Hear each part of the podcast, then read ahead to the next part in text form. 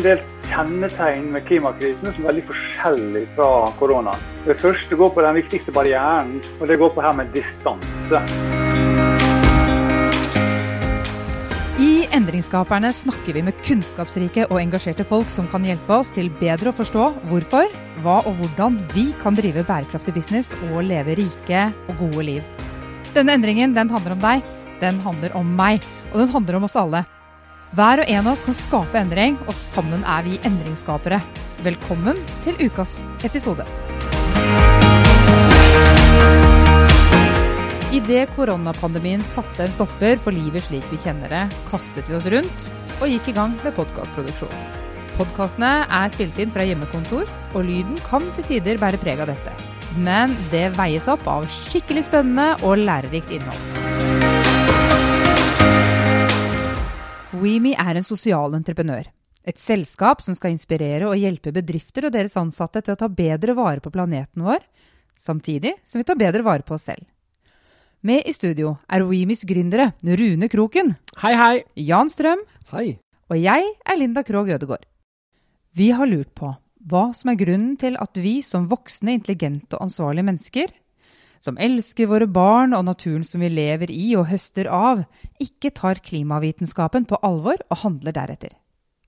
Vi sier vi er opptatt av bærekraft, av klima og miljø. Men det viser seg ikke i vår livsstil og i måten vi driver business på. Vi forbruker stadig mer, og vi vil gjerne leve både mer og bedre. Når dette for mange fører med seg stress og press, og i tillegg ødelegger kloden vår, lurer vi da på Hvorfor holder vi på som vi gjør? Og hva er grunnen til at vi ikke legger om raskere? Og Derfor gleder vi oss veldig til å snakke med dagens gjest, psykolog og økonom Per Espen Stoknes, som har svar på disse spørsmålene. Han leder Senteret for grønn vekst på BI, har forsket på og har bl.a. skrevet boken med tittelen 'Hva vi tenker på når vi ikke tenker på global oppvarming'.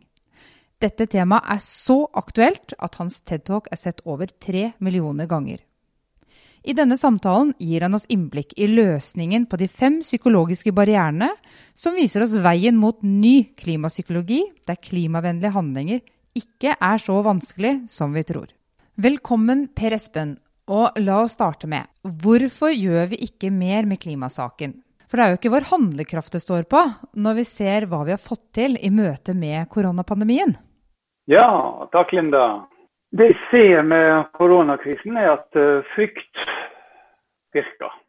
Mennesket er en eh, fryktsom skapning og kan drive eh, mye handling og tenking og følelser raskt. Men det er ikke sånn at all frykt er lik. Og Det som er med, koronakrisen, er at den illustrerer hvordan da det som vi opplever som truer min helse direkte her og nå, det slår inn i vårt evolusjonære på den måten at du får en sånn adrenalinrespons med umiddelbar effekt på følelser og handling og enorm uh, interesse for uh, saken her og nå. Korona er en usynlig fiende som oppleves veldig nært. Og ikke bare var en usynlig enn snikende, men vi har fått et veldig tydelig bilde av den. Alle ser nå for seg en sånn der rød, illevarslende kule med sånne ting som stikker ut og er klar til å angripe det. Så det er veldig spennende hvordan koronatrusselen er veldig forskjellig fra klimatrusselen.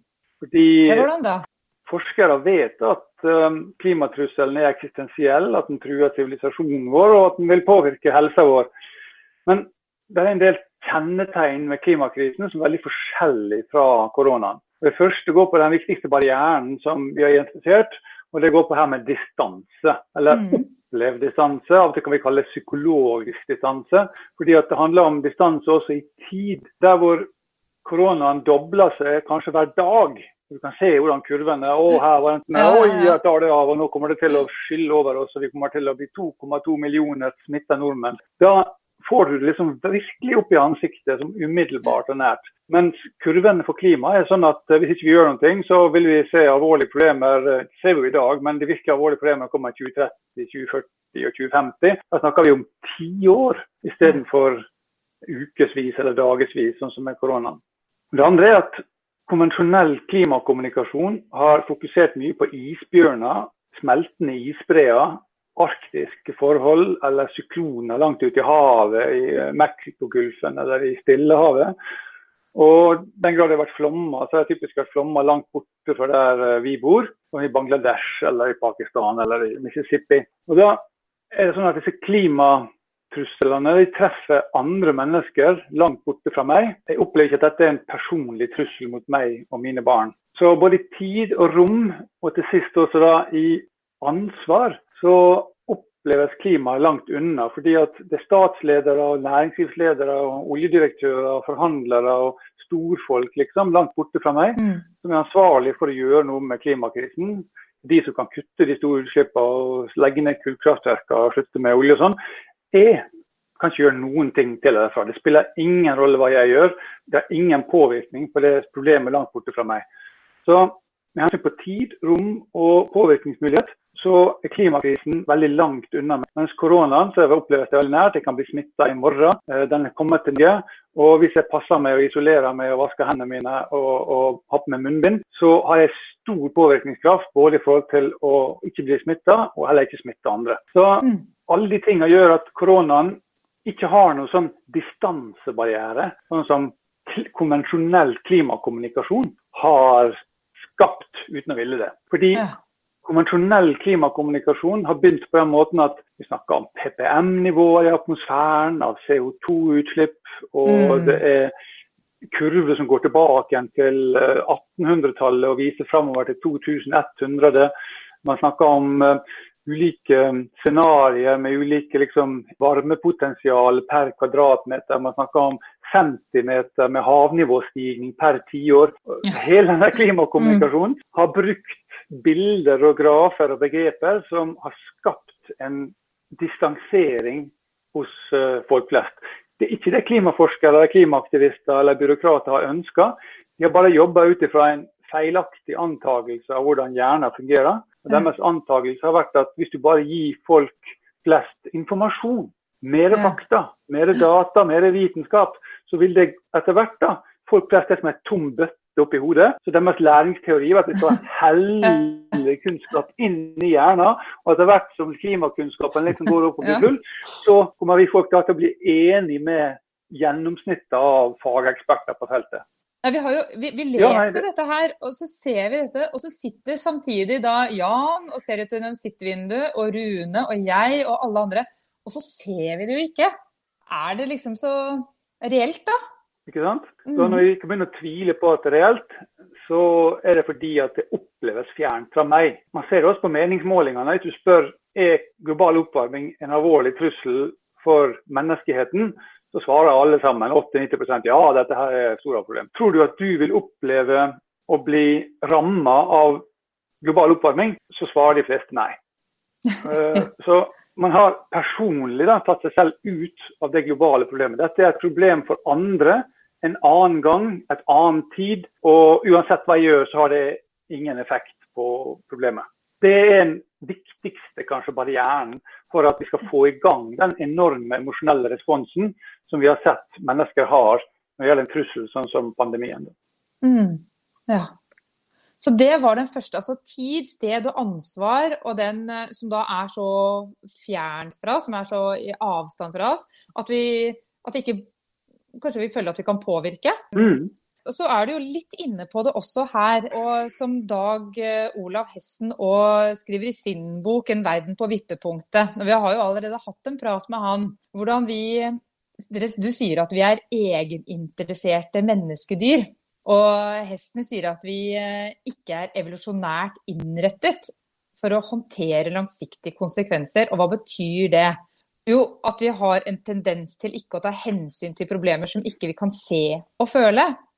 Eh, og at det er belønninger her og nå som styrer oss.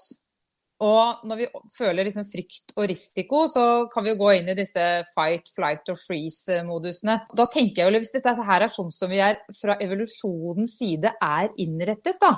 Mm. Are we doomed? Ikke sant. Det kunne man lure på. Det er riktig som hesten sier. Menneskelig hjerne er nok ikke helt sammenstilt på en sånn måte som rasjonelle forskere gjerne skulle ønske. Så det hjelper ikke bare å helle sånn rasjonelle fakta og informasjon og kaste det på mennesker og tro at det er nok til at de endrer følelser, holdninger og handlinger. Det som jeg har jobba med, det er å identifisere først barrierene og så mulighetene for å kommunisere klimakrisen på en hjernevennlig måte.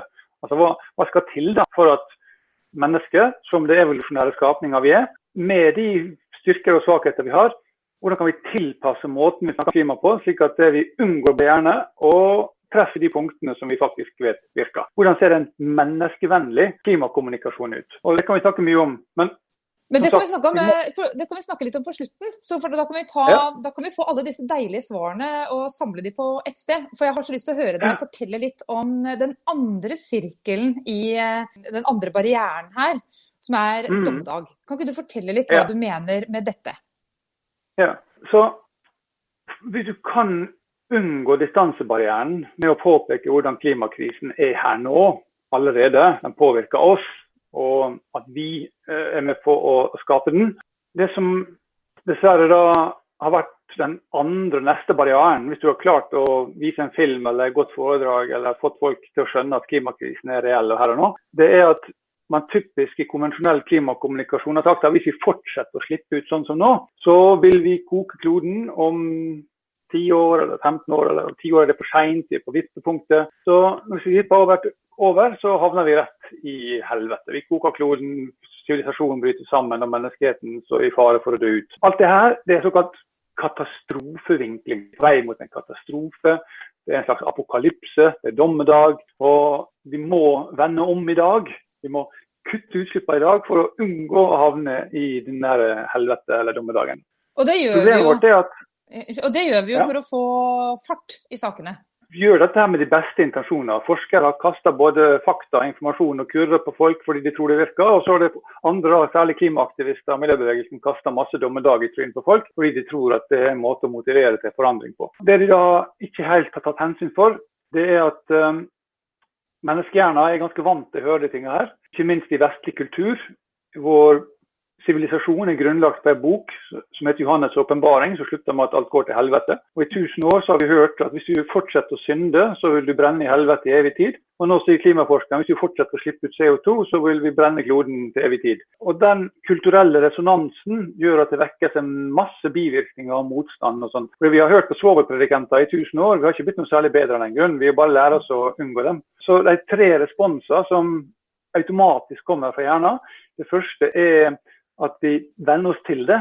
Det er litt sånn som historien om gutten som ropte ulv. Den første gangen så er det en alarm, men den tiende gangen så går det ingen alarm lenger. Da gidder ikke folk, vi reagerer ikke. Når vi har hørt for 20. gang at uh, nå har vi tre år på å spå snø i utviklinga, hvis ikke vi har kutta utslippene en tre eller fem eller ti år, og så går det i fem åra, så tenker folk at ja ja, det har vært uh, spådd dag før. Så her uh, mm. Ja.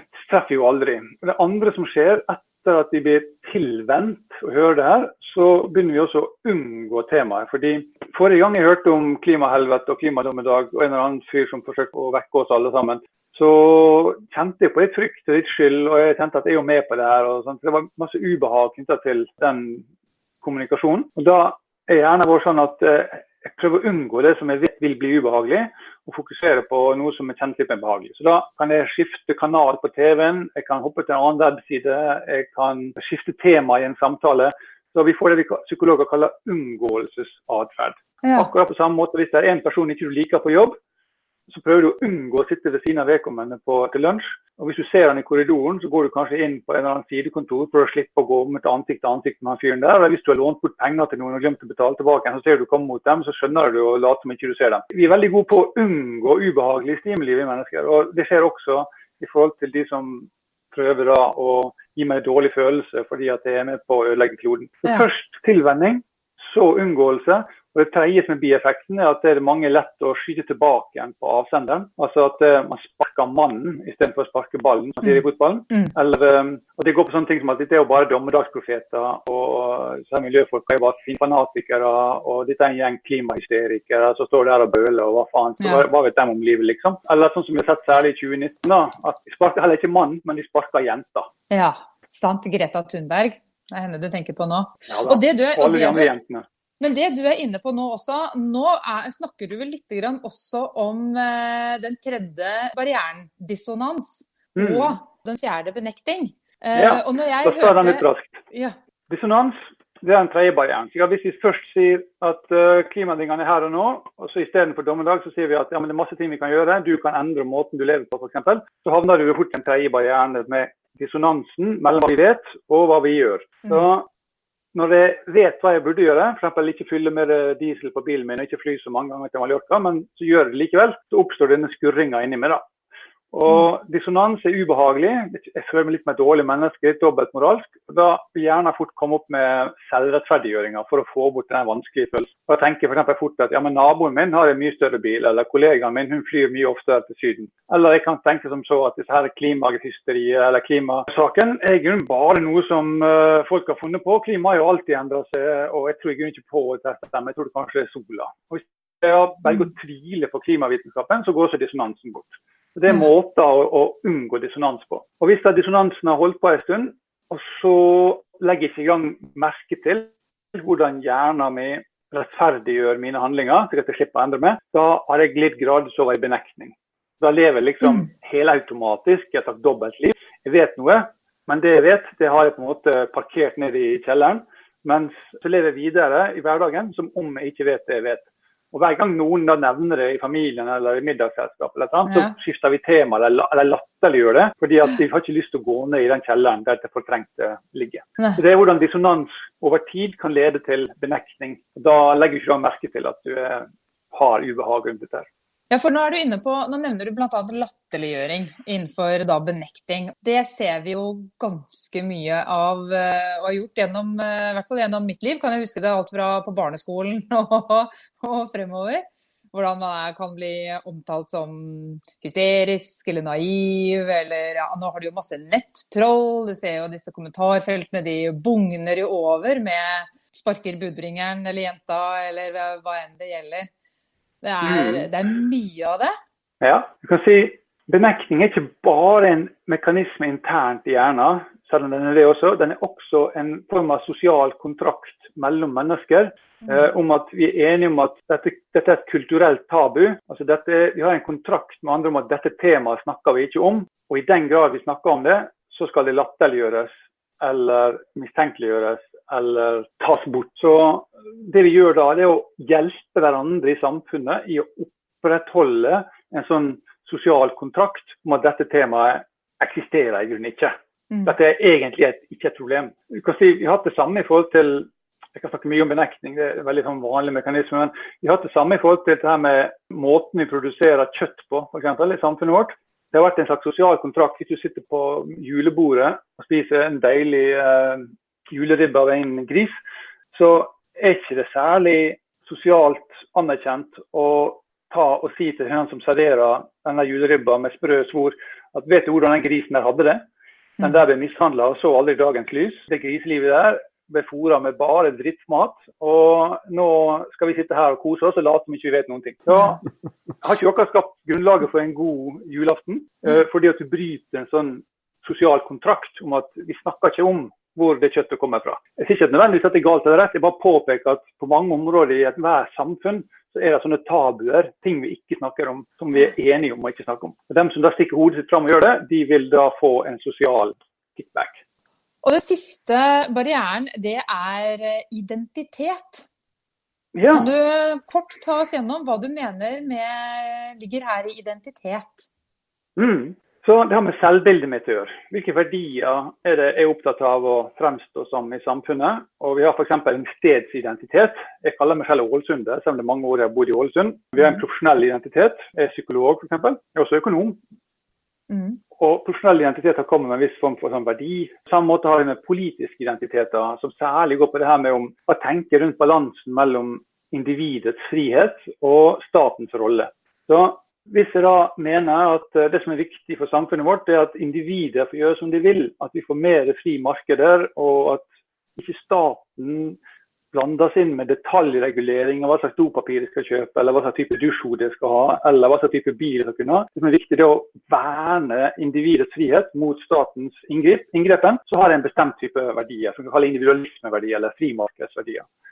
Det finnes andre verdier, sånn som går f.eks. fellesskapsløsninger. At det er viktig at vi tar vare på de svakeste, og at staten skulle ha en stor viktig rolle for å regulere av at det ikke skjer for mye ulikhet, for stor uh, maktbalanse uh, mellom ulike selskaper og individer i samfunnet. Så hvis du er villig til å akseptere stor statlig inngripen, så har du kanskje fellesskapsverdier. Hvis du liker bedre individets frihet, så har du individualismeverdier.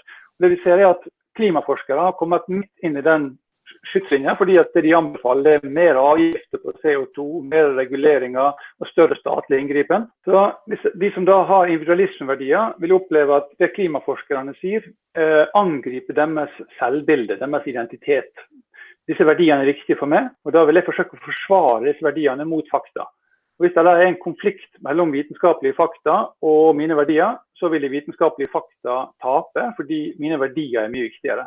Og da vil jeg bruke min kreativitet, min intelligens, min, hele, min, min bredde av kunnskap til å komme opp med argumenter om hvorfor disse klimagreiene er feil. Det som da skjer, er at vi har fått vridd hele debatten fra å handle om klimavitenskap til å handle om meg selv, min identitet, min virkelighetsforståelse. Og hvis da klimaforskere kommer med sånne budskap, så angriper de meg. Og da må jeg angripe dem tilbake det er området hvor da klimadebatten ofte går virkelig skeis.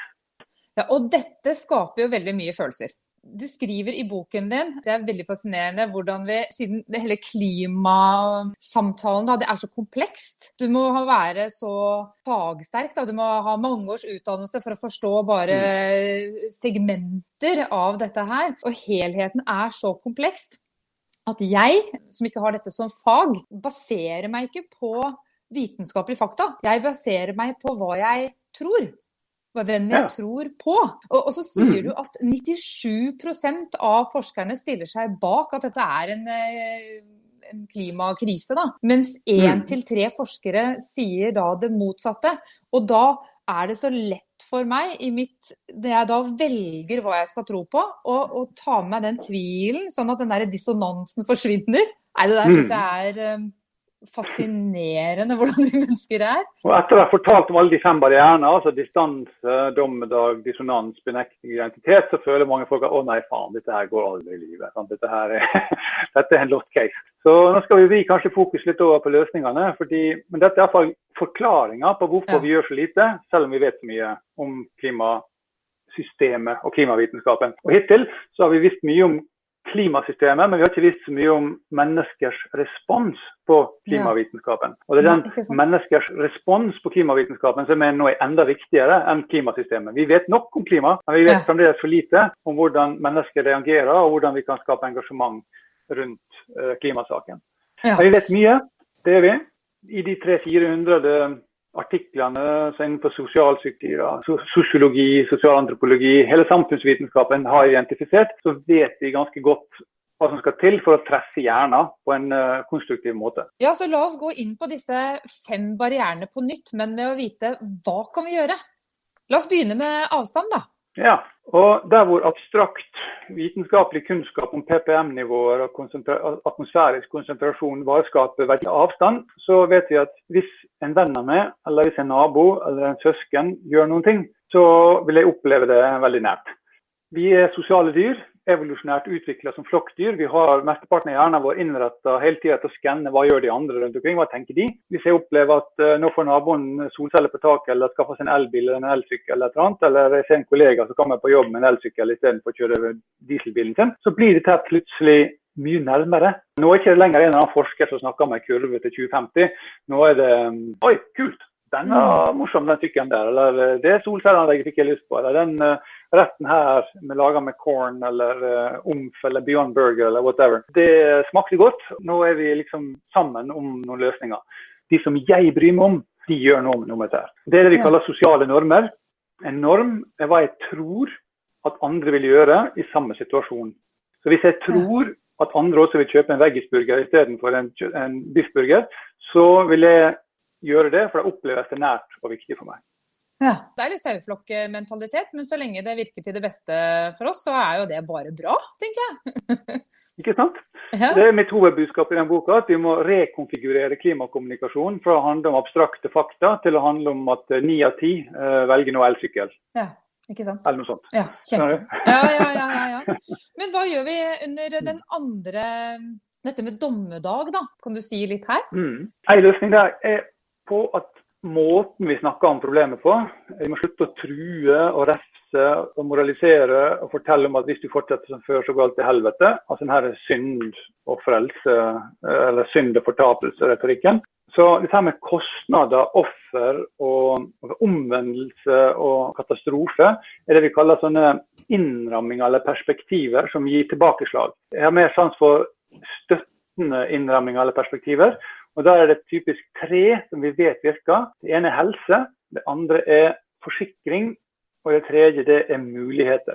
Mm. Vi ser jo nå at hvis vi kan omtale noe som er helsetrussel, så er det nesten ingen grenser for hva folk er villige til å akseptere med koronaen. Så dette med at klima ikke handler om CO2-konsentrasjon i atmosfæren, men det handler egentlig om min helse, din helse, vår helse.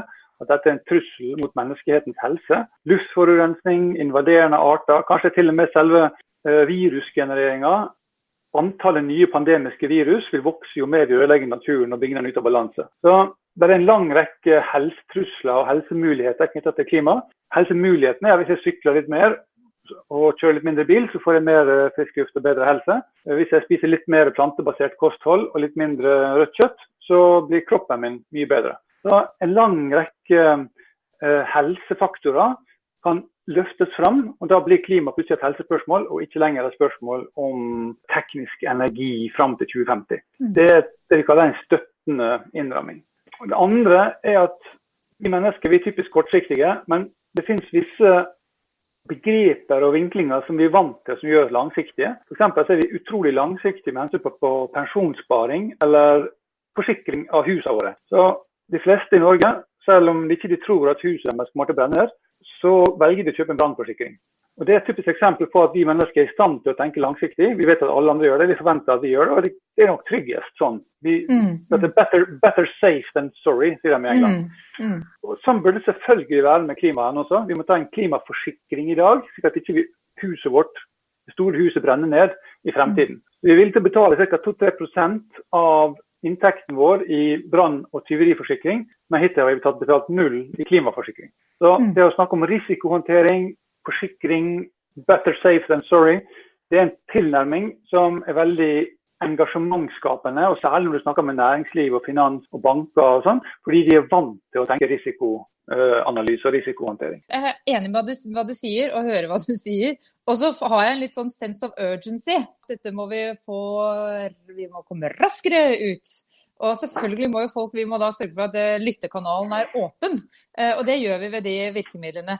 Er det noe vi kan eh, si eller gjøre som gjør at vi kan òg fremme den uh, sense of urgency, da? Det er det. En viktig måte å skape både sense of urgency og lyst på, det er at vi også snakker om alle de mulighetene som finnes nå for en mye smartere samfunn, byer, hus, livsstil. At vi legger om da til å ha mye mer elektrifisert transport, elsykler, at vi har mye mer plantebasert eh, kosthold.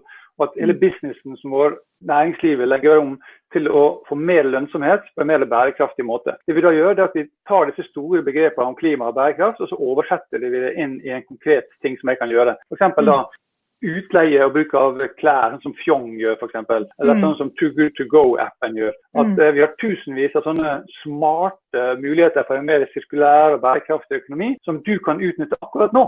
Og Hvis ikke du gjør det, hvis ikke bedriften din legger om nå, så vil du kanskje gå nedenom hjem. Et veldig illustrativt eksempel er forskjellen på det danske oljeselskapet og det norske oljeselskapet. Det danske heter Dong før, Danish Oil and Natural Gas. mens det norske het Statoil før, og nå heter Equinor. Det Dong gjorde, var at de la om fra olje og gass til havvind. Og de har gått til himmels på børsen. Nå har eh, Equinor de har bare fortsatt å være olje- og gasselskap og gått eh, skikkelig ned i dass. Og det, sånn har vi sett tidligere med kullselskaper osv. Vi ser jo også at konvensjonelle bilselskap, de som bare selger dieselbiler, de går rett utafor, som Ford.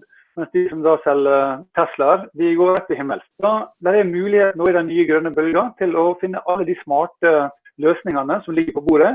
Og Finne de markedsmulighetene, så løfter dem opp både på bedrift og på, på individnivå. Ja, hvilken kunnskap vil jeg ha, hvilken rolle skal jeg spille, hva er de løsningene og mulighetene som jeg ønsker å bringe til verden.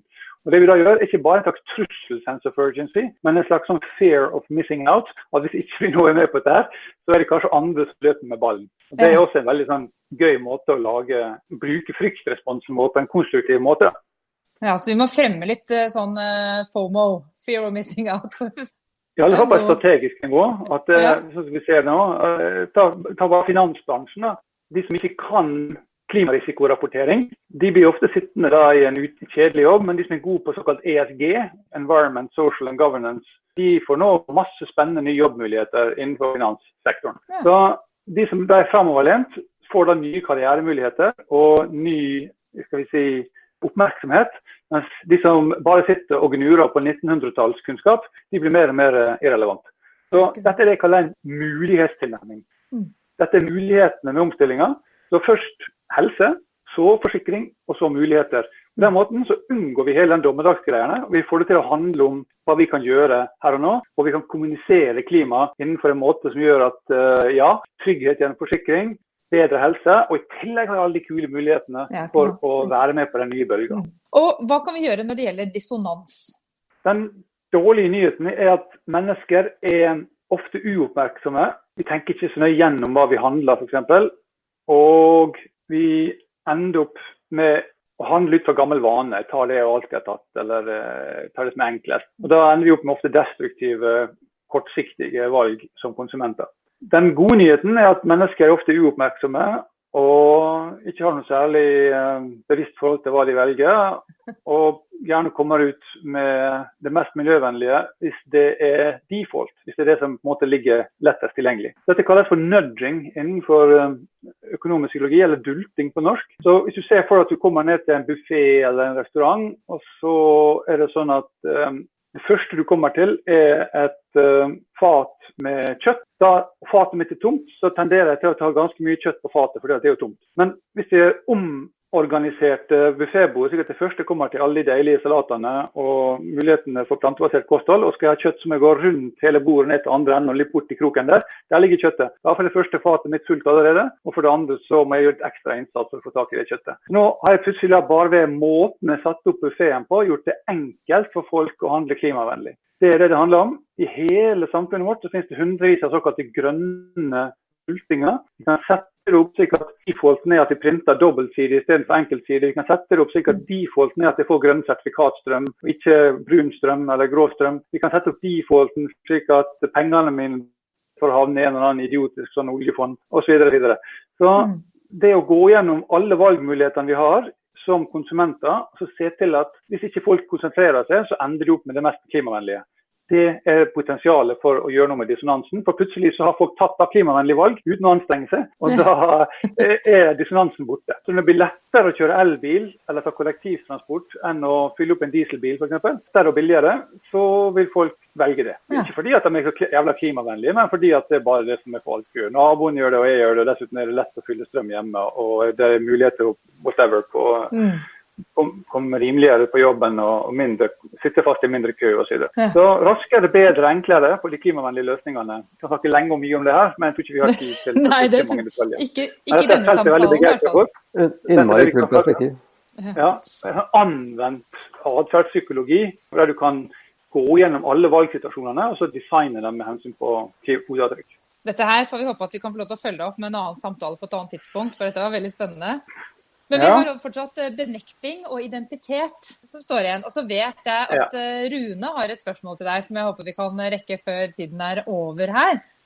Ja, igjen så er det sånn at det er veldig mye spennende kunnskap om det her, og jeg renner litt over, så det tar litt lang tid. Men jeg skal gå veldig raskt. Uh, la oss ta benekting først. Enkleste måten å få til slutt å benekte dem på, det er å gratulere dem med at de har gjort en bra ting. Og gi dem en tilbakemelding på at um, f.eks. hvis jeg sykler på jobb, ser jeg at uh, når jeg sykler, så er det en sånn digert uh, tegn som viser før var det 301, nå er det 302. Jeg ser da, når jeg sykler forbi at den går opp fra 301 til 302. Jeg gjerne sykle flere ganger, bare for å få den følelsen.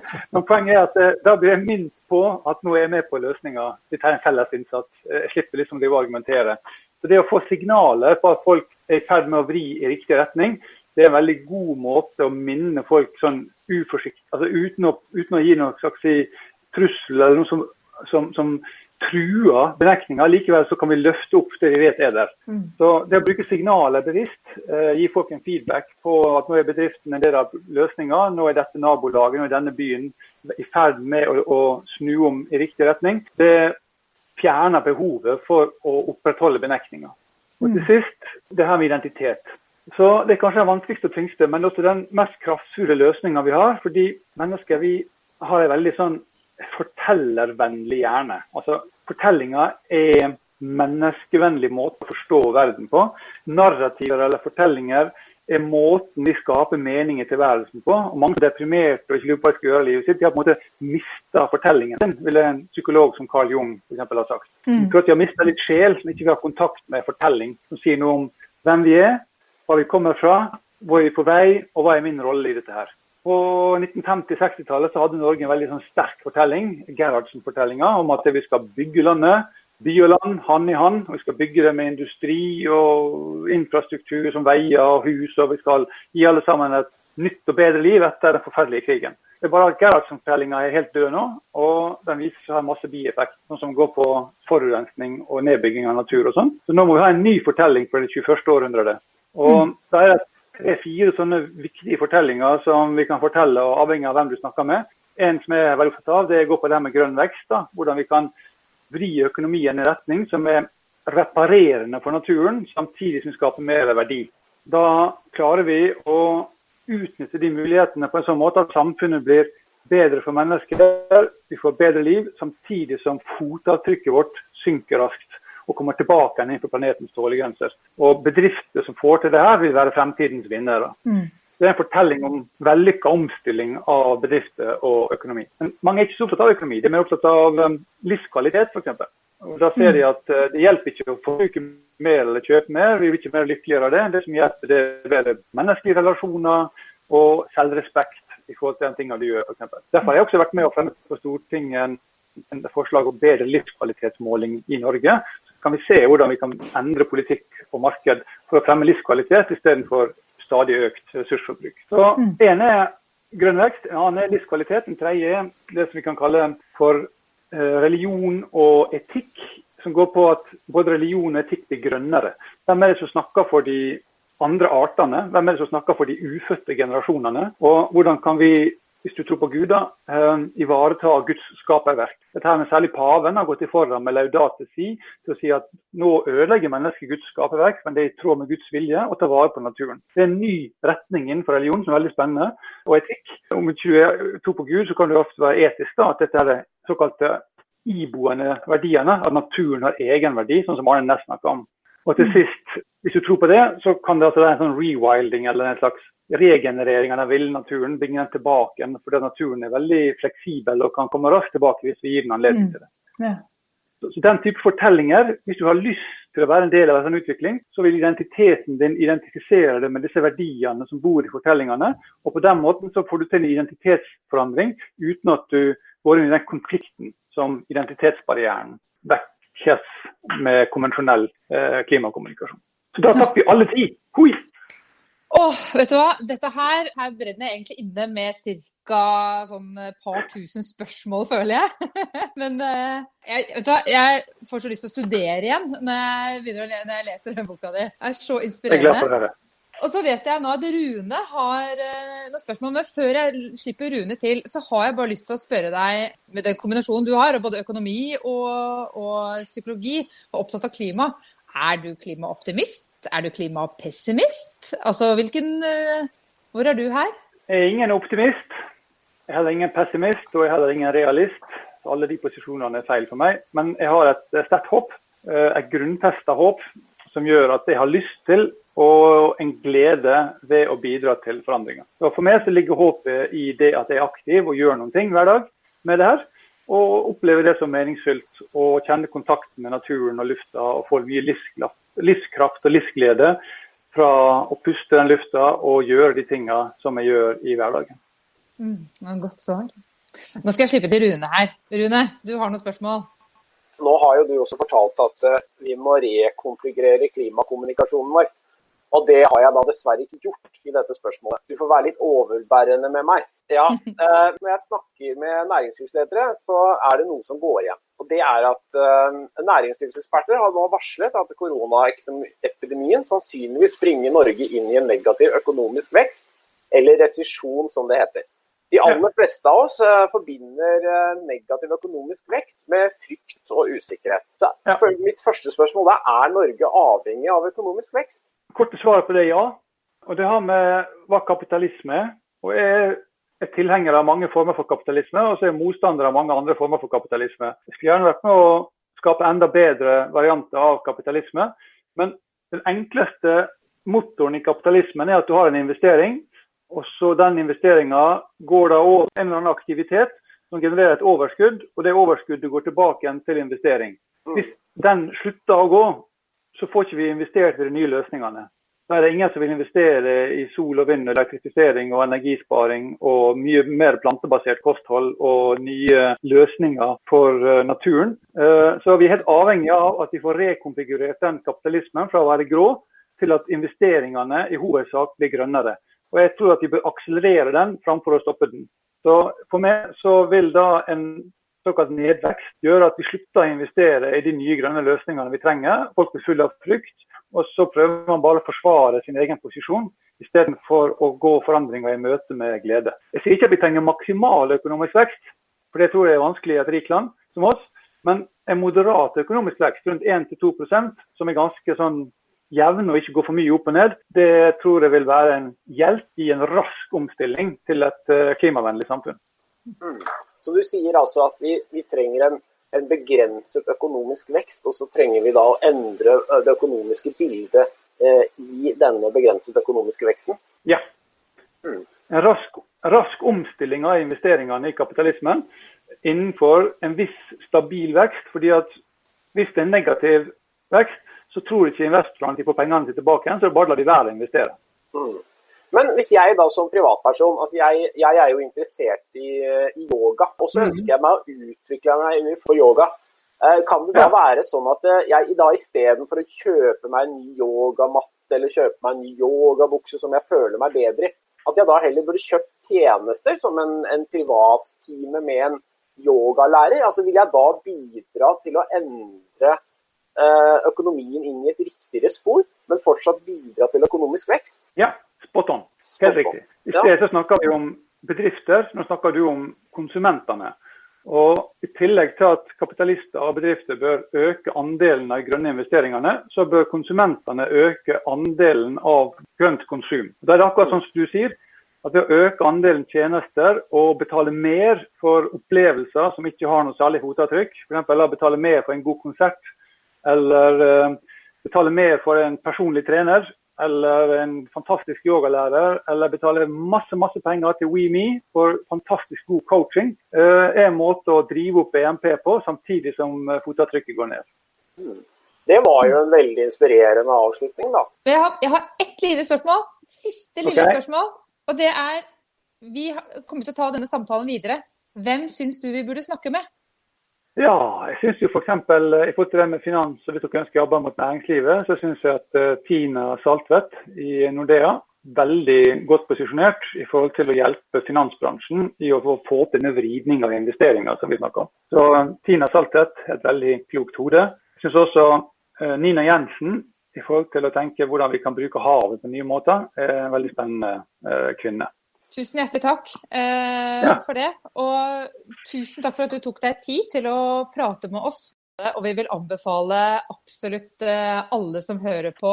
Du har en TED-talk som er sett over tre millioner ganger. Den beskriver dette her i eh, raske, korte trekk. Og du har den boken som du har skrevet, 'Det vi tenker på når vi prøver å ikke tenke på global oppvarming'. Den er rikholdig.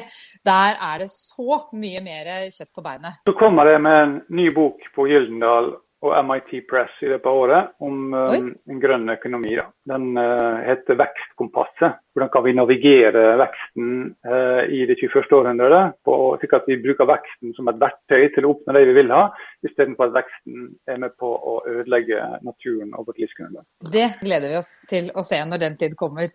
Tusen okay. hjertelig takk, for Espen.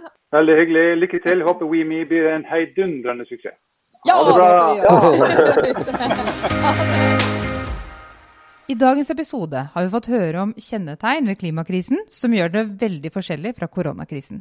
At vår handlekraft og ansvarsfølelse er avhengig av vår oppfattelse av tid, avstand og påvirkningsmulighet. Forklaringen på hvorfor vi reagerer og responderer som vi gjør, ligger i de fem psykologiske barrierene. Og løsningen på hvordan vi skal nå inn med klimabudskapet og skape resonans, ligger i å gjøre det nært, og at uh, mye kraft ligger i sosiale normer. Bruke positive, støttende perspektiver, som f.eks. snakke om helseeffekter og jobbmuligheter. Om å gjøre klimavennlige valg enkelt og synlig med nudging eller dulting gi positive tilbakemeldinger og signaler på klimapositive løsninger, og at vi må fortelle nye historier for det 21. århundret om grønn vekst, livskvalitet og etikk. Alle relevante referanser og lenker til dagens gjest finner du på nettsiden vår weme.eco. Du kan nå oss på e-postadressen hello krøllalfa weme.eco her kan du gjerne sende oss tips om relevante temaer eller andre vi bør ta en prat med. Du kan selvsagt stille oss spørsmål, eller ta kontakt for en prat om hvordan vi kan hjelpe deg og din bedrift i det grønne skiftet. Likte du det du har hørt, vil vi gjerne at du deler denne podkasten med dine venner og kollegaer. Nå har vi hørt om psykologien bak dette, men hva med samfunnet vi lever i? I neste episode får vi besøk av sosialantropolog Thomas Hylland Eriksen. Da skal han fortelle om hva han mener med at vi lever i et overopphetet samfunn, og hvordan det påvirker måten vi lever og jobber på. Dette er en mann med et stort, glødende engasjement som har mye på hjertet, og som forteller ivrig om sitt syn på hvordan vi kan gjøre ting annerledes. Vi gleder oss og håper du blir med. Da gjenstår det bare å si hei så lenge!